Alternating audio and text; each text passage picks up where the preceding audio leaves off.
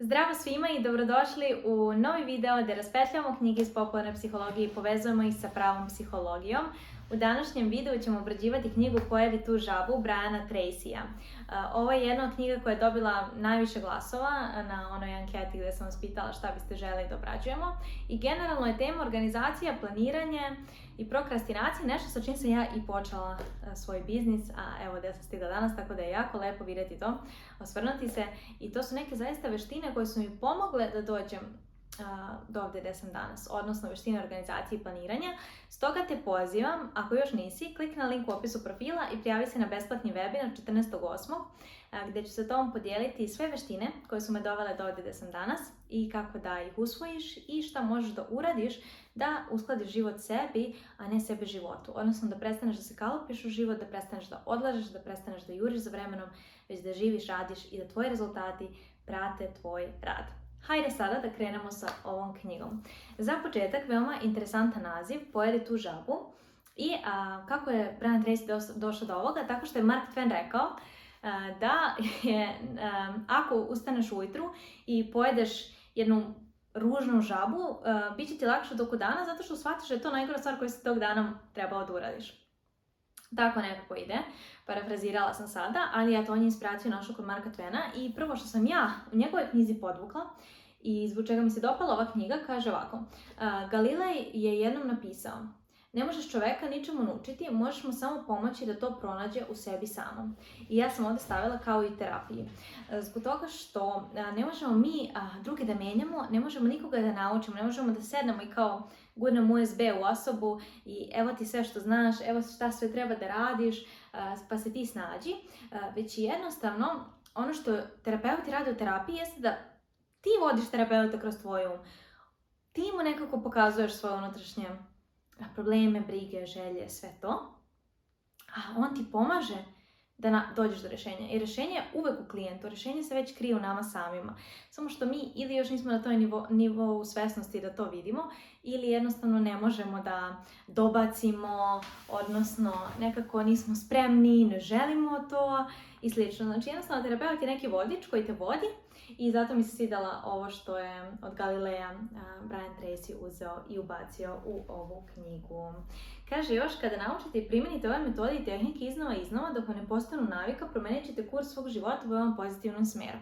E sad, ono što je jako zanimljivo što se tiče prokrastinacije, što se tiče odlaganja, što se tiče organizacije, jeste da je to veština.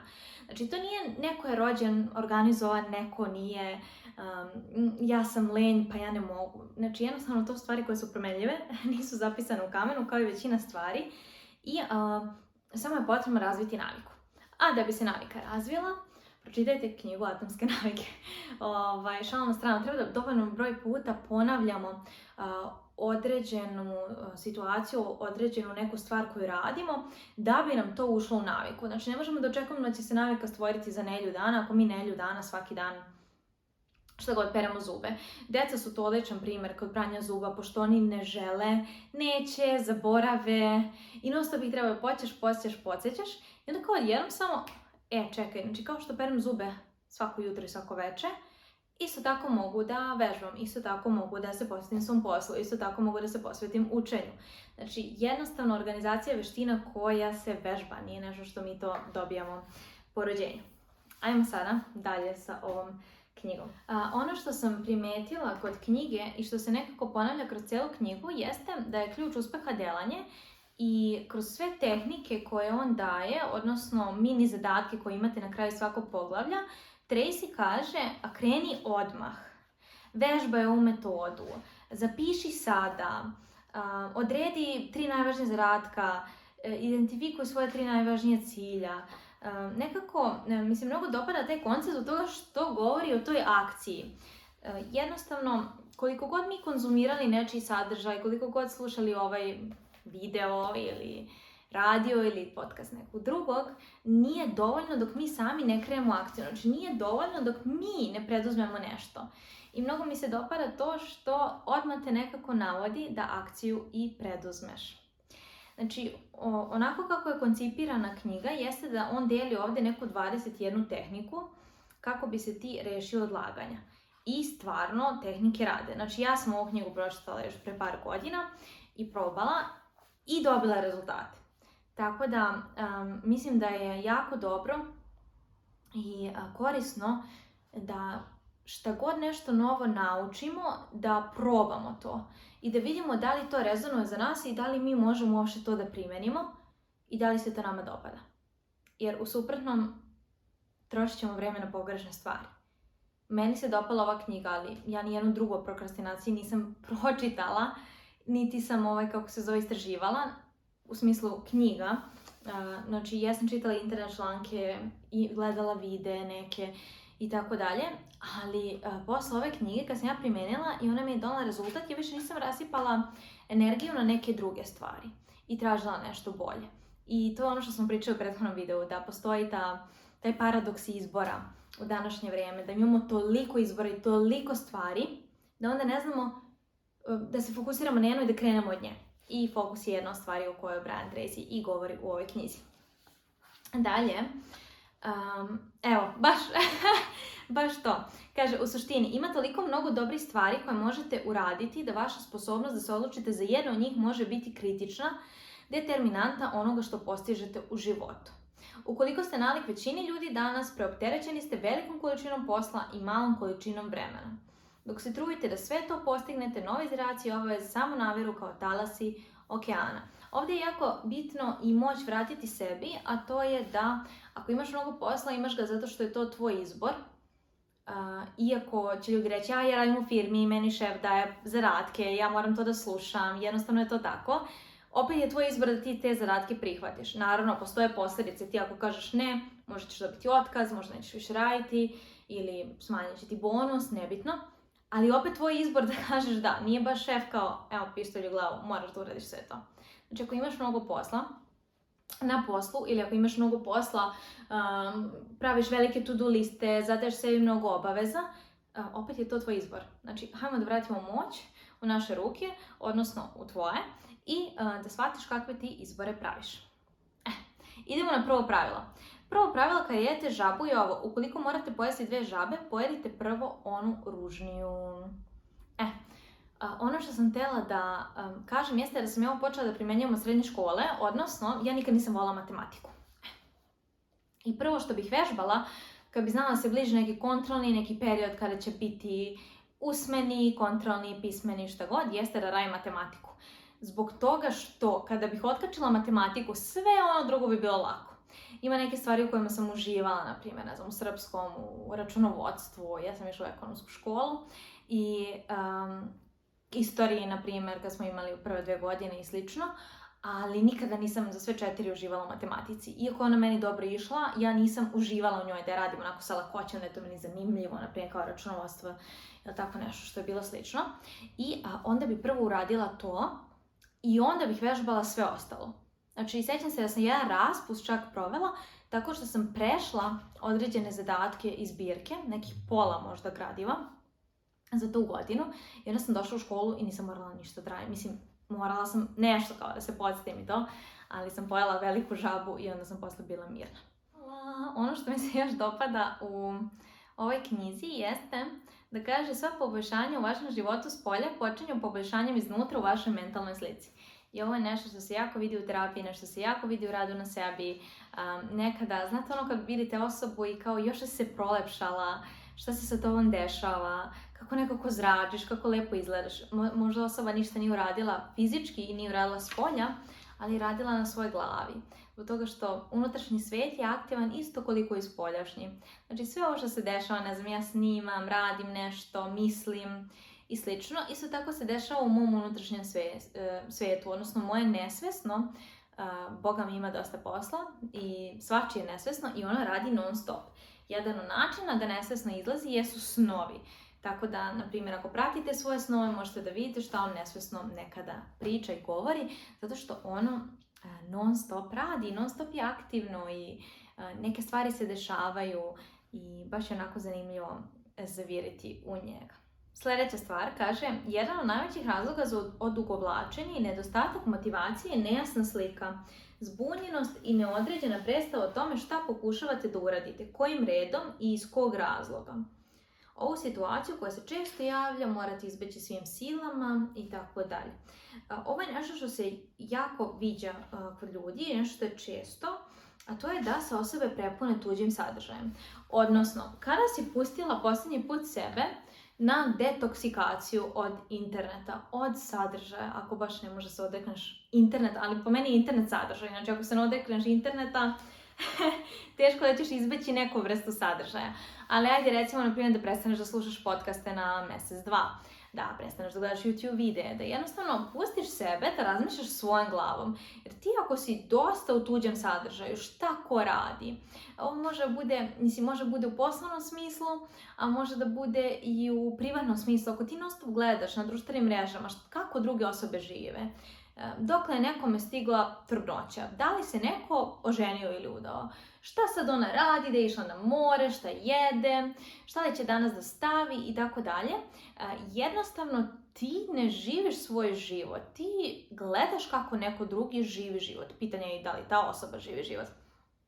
Ali u svakom slučaju e, jeste to da nekada je potrebno otići na detoksikaciju. Odnosno na to da ne upijamo informacije, nego da imamo akcije. Ono što sam malo prepomenula i što se jako pomenje u ovoj knjizi, znači zapiši odmah. Evo, kaže, samo oko 3% odraslih ima jasne zapisane ciljeve. Ovi ljudi postižu 5, čak i 10 puta više nego ljudi, u istim ili, e, nego ljudi sa istim ili boljim obrazovanjem i sposobnostima, ali koji iz nekog razloga nikad nisu potrošili malo vremena da zapišu šta tačno žele znači akcija, a ne upijanje, konzumacija sadržaja, slušanje o tome kako bi ti trebalo da prestaneš da odlažeš. Nije isto kao kada ti sedneš i kažeš, e sad ću da svaki dan 10 minuta pišem svoj rad. Znači, iz ličnog iskustva mogu reći da to upali i da je to način na koji sam ja napisala svoj master rad. Pisala sam ga sat i po svakoga dana sa izuzetkom vikendi, pošto vikendom ne, odmor, potreban mi je bio odmor i uvek mi je to nekako bilo i na fakultetu, mislim tako sam završila i fakultet i master, znači vikendom se odmara, radnim danima se radi, ali svaki dan jedna akcija dnevno je dovoljna. Znači bilo je dovoljno sat i po dnevno da bi se napisao rad od ne znam 113-14 strana koliko sam na kraju imala, možda malo više sa, ako računamo sve citate i tako dalje ali da sam odlagala i da sam čekala, pa onda jedan dan pišem 8 sati, pa drugi dan ne pišem, pa onda pišem 6, pa ne pišem još 3 dana. Jednostavno to je preopterećenje za mozak i onda si kao aktivan, produktivan, sabijaš, lomiš i onda kao pauza, nema ništa. I to je ono što se ljudima često mm, dešava, odnosno dosta ljudi nema plan. Ova knjiga je fokusirana isto i na planiranje, znači planirajte svaki dan unaprijed i taj drugi korak i da, jednostavno znamo šta tačno želimo u životu. Mnogo je tužno što živimo u svijetu gdje postoji toliko izbora i toliko stvari i možeš da naučiš šta god poželiš, ali opet ima toliko ljudi koji ne znaju šta žele u životu, koji ne znaju čime da se bave, koji ne znaju kako da provedu svoje slobodno vrijeme, koji ne poznaju svog partnera ili partnerku, koji jednostavno ne znaju, ne znaju neke osnovne stvari o sebi. A kako onda da ta osoba odluči čime će da se bavi i šta želi da postane u životu ako ne može, ne znam, da imenuje dve knjige koje voli, da da razlog zbog čega ih voli, da poznaje svoje rutine, da zna tačno šta je prija, šta je ne prija. Ovo je jedna od e, dobrih vežbi, tako da ako želiš da uradiš, e, evo kako glasi, a to je da uzmeš dve nedelje, da pratiš sebe, šta ti prija i šta ti ne prija, ali u svakom segmentu života. Od toga da li ti prija, ne znam, da um, ustaneš ujutro i opereš zube odmah ili da opereš zube nakon što si doručkovala. Znači da zaista počneš da obraćaš pažnju na sve. Da li ti prija da ti sto bude posložen ili da jednostavno, naprimjer da, da posložen ako perfektno ili da imaš višak stvari jer ipak ti trebaju neke sveske i možda ti zatreba nešto da zapišeš. E, da li ti prija da jedeš odmah nakon što ustaneš ili da prođe neko vreme, zbog čega, od koje hrane se osjećaš nadoto, da li ti prija određeni razgovor sa prijateljicom, partnerom, e, drugarom, e, sa kolegama, da li ti prija kad prođeš vreme s njima ili bi radije na pauzi da budeš sama, zbog čega, jednostavno postaneš svjesna sebe i onda kad postaneš na sebe ne postoji neko ko će da ti oduzima vreme ne postoji neko ili nešto ko će ti oduzima vrijeme i ćeš ti automatski znati, hej, meni ne prija da budem budan, ne znam, do kasno uveče. Što znači da kad me neko zove, da se vidimo, ako kaže da ćemo tek da se nađemo u 8 ili 9 uveče, ja znam da će moj odgovor biti ne. Jednostavno ne prija mi jer poslije ću ja sutra biti umorna, spavat će mi se, jer ne mogu ja da budem budna do 12, ustanem u 5, to je jako, jako teško ali s druge strane onda predložim alternativu, odnosno možemo svirim ranije, da li ti možeš, super i stvarno ljudi koji koji poštuju sebe, znaju sebe, su uvijek otvoreni za komunikaciju, uvijek su otvoreni da im se kaže, možemo uvijek da se dogovorimo i to je jako lepo. ali zato je jako važno da poznaješ sebe, da ne bude posle, jao da, moći ću to, bit će super, završit ću ja, naučit ću, da, imam tri dana, to će biti lako, ja ću naučiti.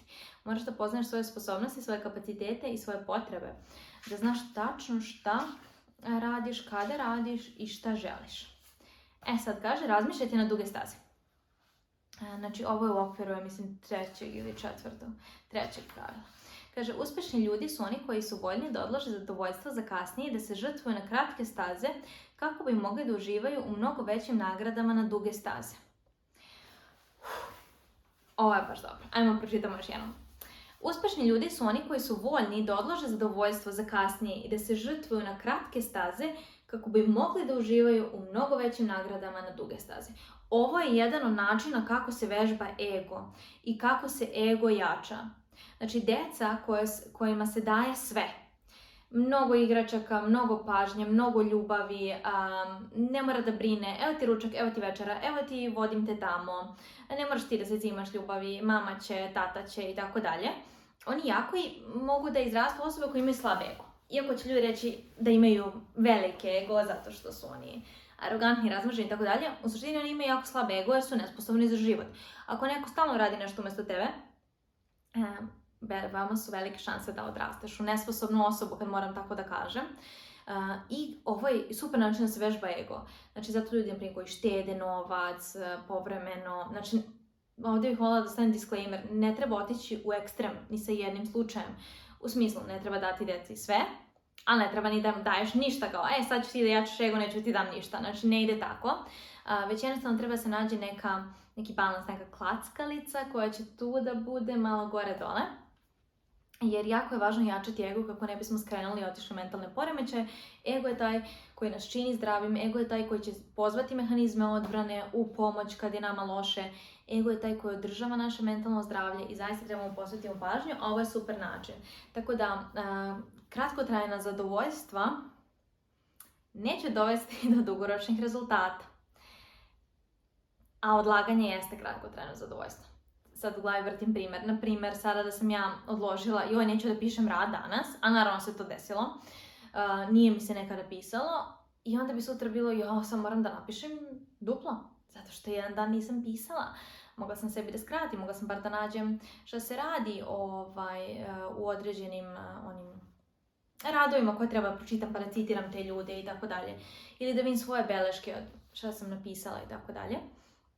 I to je trenutno zadovoljstvo, meni je to jedan bilo lako, ah, super, danas ne moram pišem, jedan cijeli dan šetam, bit će super i onda kao mm, sutra dan, ne, nije baš dobro. Tako da, iako se odlaganje desi i desit će se svima, nekada nije ti dan ili se razboliš, mislim nekada imaš prisilne momente gdje moraš da odložiš, gdje ne možeš da nastaviš sa svojim uobičajenim tempom, ali to ne znači da kada se vratiš i kada shvatiš da ne treba da kreneš od dan gdje si stala, već eh, jednostavno ljudi neko nastave tim, pa jedan dan, pa drugi dan, pa treći dan. I kao, meni je sad super jer neću razmišljati šta god o ispitima dok ne dođe septembar, ali to ti dugoročno neće, neće ti doneti rezultate dugoročno. I zato je važno da se vratimo na onaj početak gdje sam rekla da ljudi ne znaju šta žele. Jer ti kad znaš šta želiš i kad imaš svoj cilj, ja ga imam napisano, stoji ovdje gore na, imam onu tablu od plude, gledaš svaki dan u njega Svaki dan gledam u njega i znam da idem i znam što želim i znam da ću to ostvariti, da ću to postići. Prvo zbog vere u sebe, a drugo zato što radim na tome, zato što je stalno tu, zato što bitava u moje glavi, zato što znam da može postane realnost. To je jako važno, zato bez nekog realnog cilja, mislim, možda pročitaš ovu knjigu, ali ti ako ne znaš što želiš u životu, možda pročitaš još 70 knjiga na ovu temu, na ovu temu, na sličnu temu jednostavno, mm, ako ne znamo šta želimo, onda ne treba da idemo da nađemo način da prevaziđemo odugovlačenje i odlaganje i prokrastinaciju, već treba da pronađemo način da saznamo šta želimo, da saznamo ko smo i šta smo. Identitet je jako važan. Znači, svi imamo identitet neki. Imamo i čak i više od jednog. Nije isto identitet majke, nije isto identitet čerke, nije isto identitet supruge. I nije isto identitet zaposlene ili identitet učiteljice ili nekoga. Tako da imamo i više identiteta, ali imamo taj jedan glavni neko identitet ko smo mi, šta smo, da budemo samo svesni, koji će kasnije proći taj proces individuacije o, kojima, o kom toliko plebećem.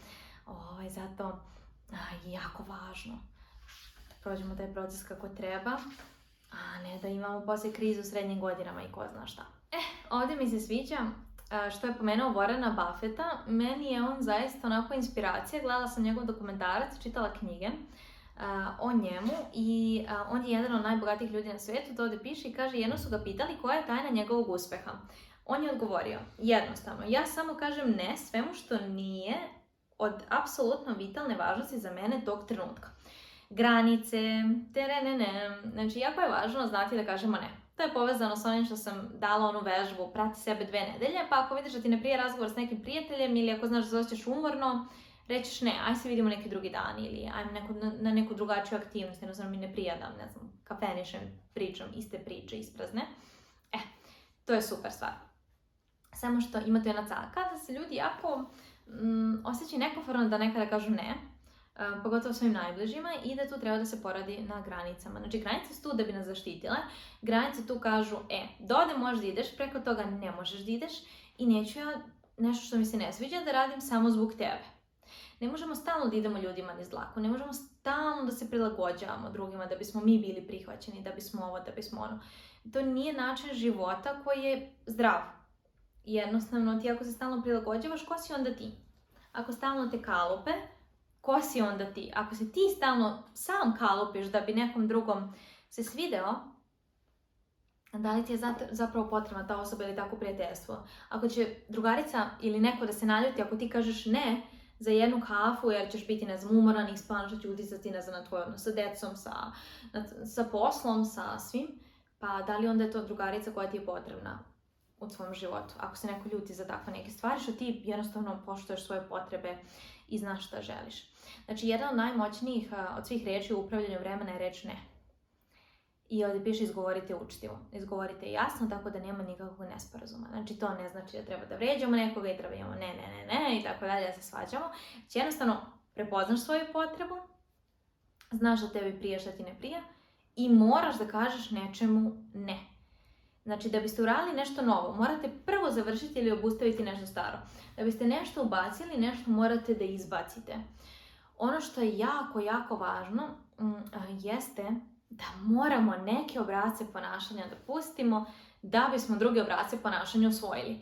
I tu ljudi često opet bude blokada. Ten, Ono, ja bih i jari i par.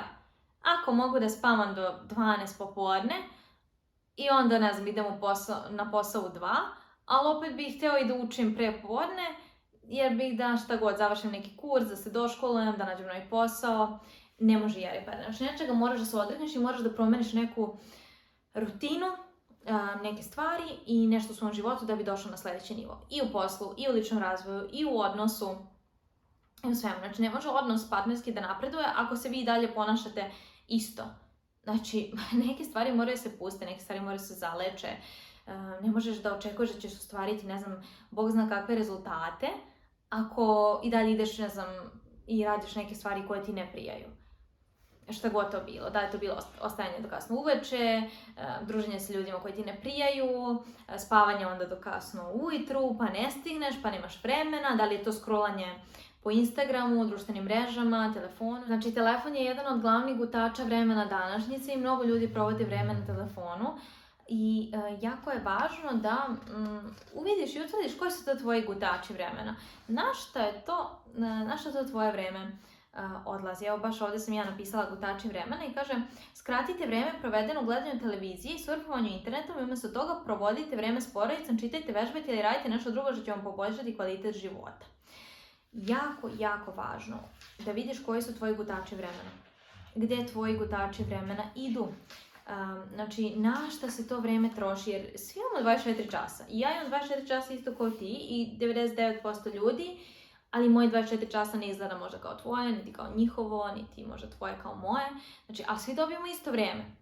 Ali neki znaju da ga iskoriste, neki ne znaju da ga iskoriste. Znači, nije do vremena, nije krivo vrijeme, nije krivo što ne znaš, nije krivo odugovlačenje, nego koliko si ti samo svesna i da znaš šta radiš. Jer ako možeš četiri ili pet, po meni je to mnogo sati da se provede, ne znam, na telefonu. Znači sve, ispod, sve iznad 30 minuta društvenih mreža je meni mnogo. Tako da ako možeš da provedeš 2, 3, 4, 5, ne da bože 6, 7 sati na telefonu, Uh, uz neki sadržaj, zamisli šta bi moglo za tih 6-7 sati da uradiš u svom životu, Um, za svoj posao, za svoje učenje, za nešto što ti znači, za nešto što želiš, za odnose u porodici, sa partnerom i sl. Sljedeća stvar koju Tracy kaže jeste jedan od najvažnijih razloga za odugovlačenje na radnom mjestu je to što ljudi izbjegavaju poslove i aktivnosti u onim oblastima u kojima su imali slab učinak u prošlosti. Umjesto da postavi cilj i sačini plan kako da unapredi svoj učinak u određenoj oblasti, većina ljudi izbjegava tu oblast u potpunosti što još više pogoršava situaciju. To je ono što sam pričala malo pre. Možeš da čitaš knjige o odlaganju, ali ako ti nemaš problem sa odlaganjem, nego imaš problem sa tim što ne znaš šta želiš u životu, ne može se baviš odlaganjem. Jer to je onda sipanje i šupljeg u prazno, odnosno kao da puniš vazduh, ne znam ni kako bi to objasnila, ovaj, ali baviš se pogrešnim stvarima.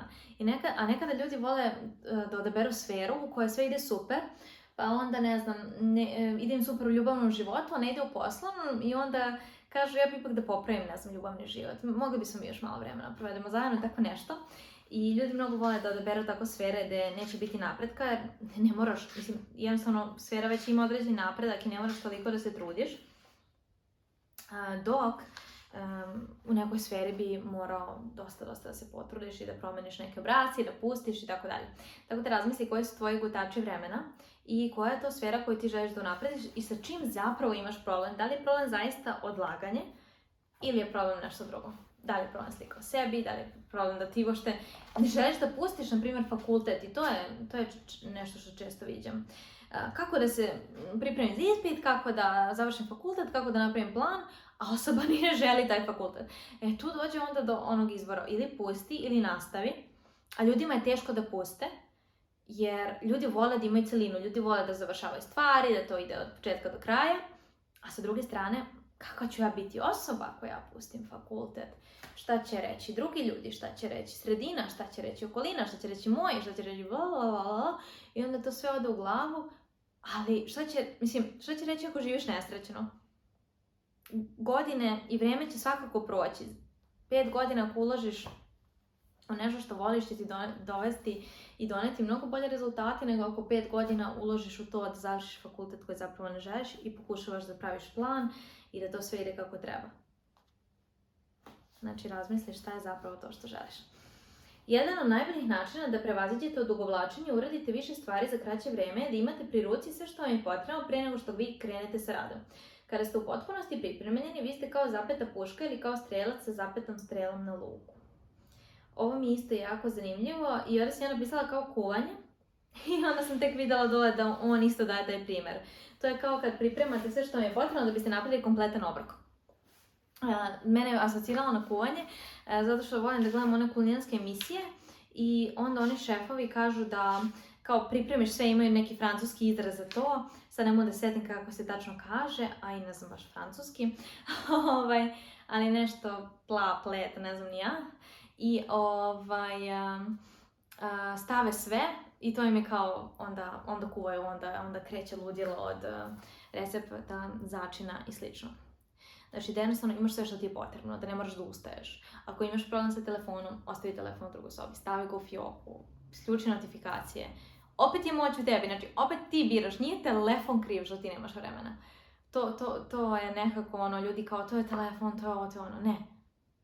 Ti dalje imaš izbor. Mislim, nismo prikovani, nismo još u, ne živimo u onom filmu Wall-E, a onom Pixarovom filmu uh, gdje ljudi su prikovani, gledaju ekran non stop dok ne dođe voli i otkači jednog i onda shvate kao je, znaš kao, mi bi mogli da se vratimo na zemlju i ovo nije baš neki život kao, e, to. Znači, dok nismo voli i dok nismo prikačeni za ekran i dalje je tvoj izbor koliko ćeš i kada da koristiš svoj telefon i zašto. Kaže ovako, e, pravilo 80-20 primijenjeno na ograničenje. Znači, 80-20 je onaj pareto princip, možete da ga izgooglate. To znači da e, treba da se fokusiramo na stvari koje će nam doneti 80% rezultata, a ne na stvari koje će nam doneti 20% a to je, na primjer, ako će ti učenje doneti 80% rezultata u životu, nemoj da ideš da čistiš kuću ormar i nešto što će ti doneti 20%, u smislu, mm, osjećaću se lepo u svom domu, ali učenje će ti dovesti do toga, ne znam, diplomirat ću, otići u inostranstvo ili nešto slično. E sad, a ovo je primijenjeno na ograničenje. on kaže ovako, to znači da 80% ograničenja faktora koji usporavaju ostvarenje vaših ciljeva jesu unutrašnji.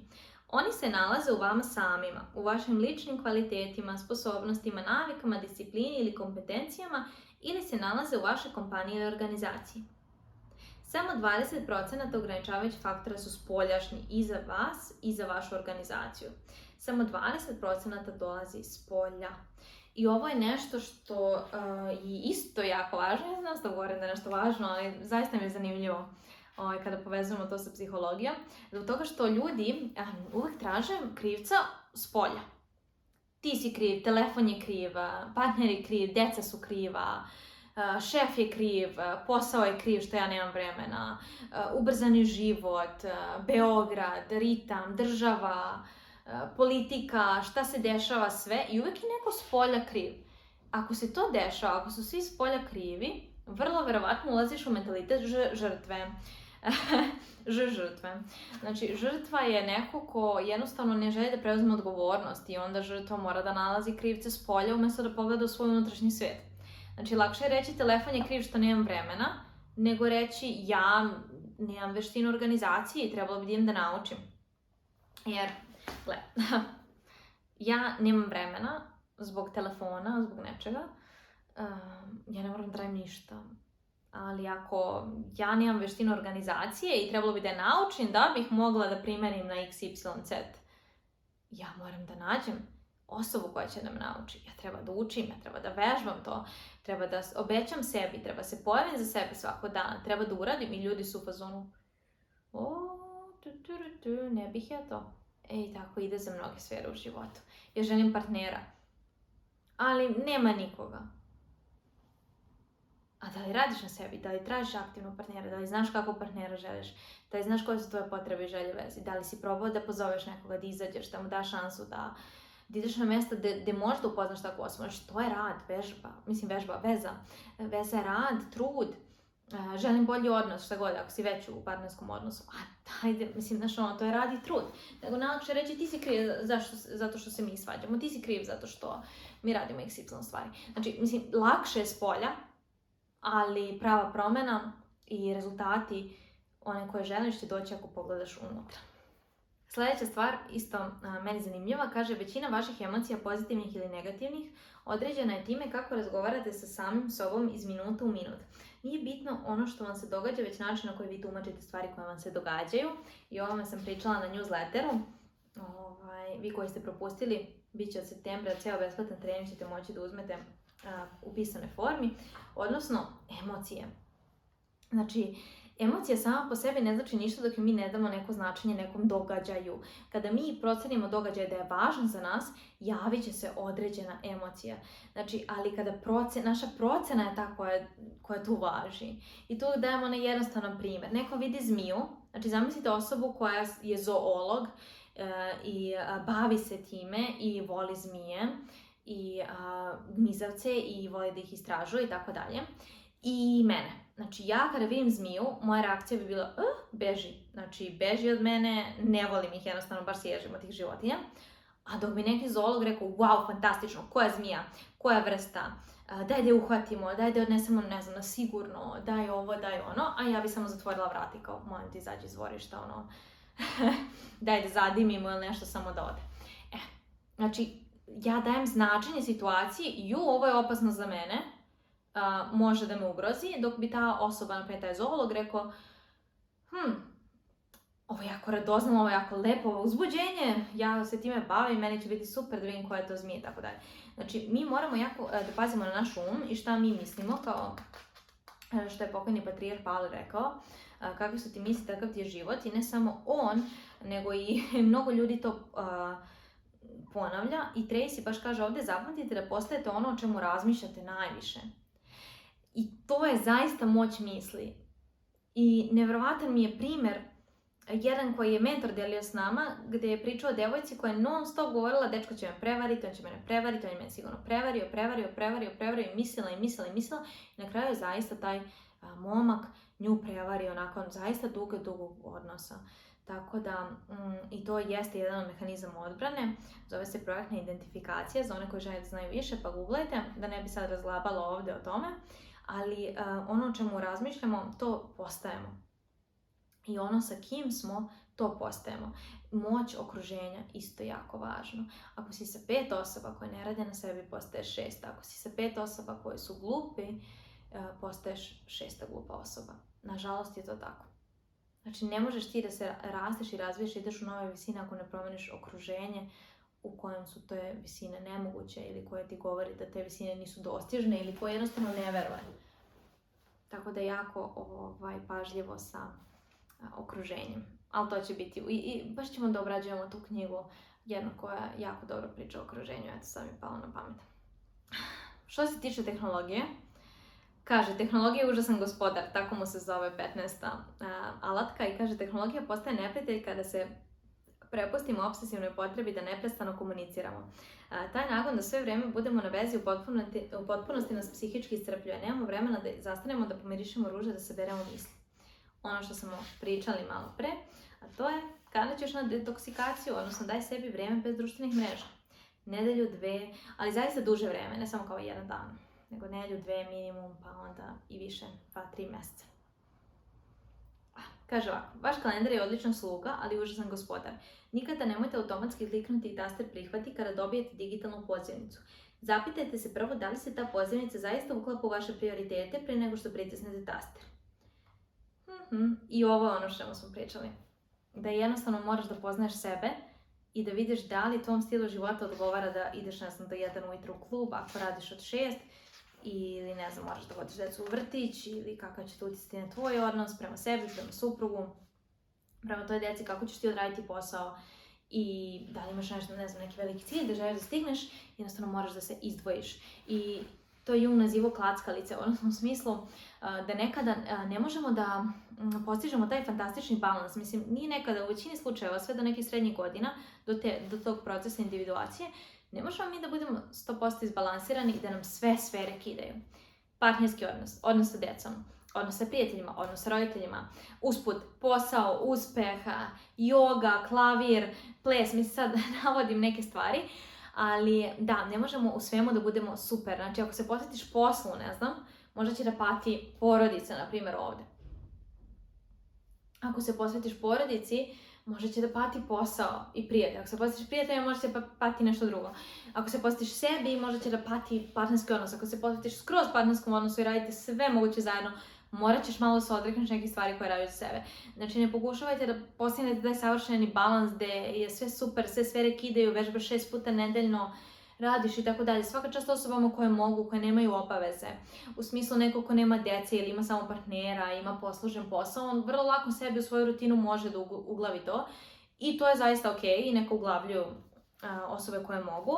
Ali ako imaš neku drugu obavezu, dodatnu, nemoj da pokušavaš da budeš kao drugi i da se prilagodiš i da pokušaš da dostigneš balans i to savršenstvo i unutrašnji mir i sve tako, sve te knjige koje govore o tome jer ne postoji balans. Mislim, prve klackalice i nekako koje Jung um, izneo jesu mišljenje i emocije. I one nikada nisu baš u, u klackalici, moramo se trudimo, dosta da se trudimo, zato što mišljenje i logika nisu povezani s emocijama. Kada ide onako burst, e, izlaze emocije, kad su emocije na vrhuncu i dolazi afekat i ljudi svašta kažu, tad je mišljenje ugašeno. Znači jednostavno to se dešava i u našem unutrašnjem svijetu, a ljudi s polja sve pokušavaju da drže pod kontrolom. Malo živi život i uživaju u njemu. Ne mora sve da bude savršeno niti da bude u balansu, bit će u jednom trenutku ako se potrebiš da dođeš do njega. Eto, to bi bilo sve za ovu kratku i slatku knjigu. Zaista je kratka, brzo se čita, možete je pročitati za jedan dan. U njoj ima 21 tehnika, mi smo prošli samo kroz neke i malo povezali sa psihologijom.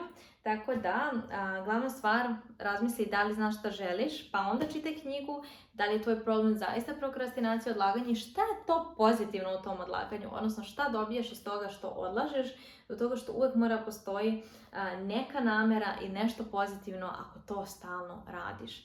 I na kraju krajeva na tebi da doneseš odluku, da promeniš naviku i da ideš ka svom cilju i ostvariš neke drugačije rezultate. Čujemo se u narednom videu. Pozdrav!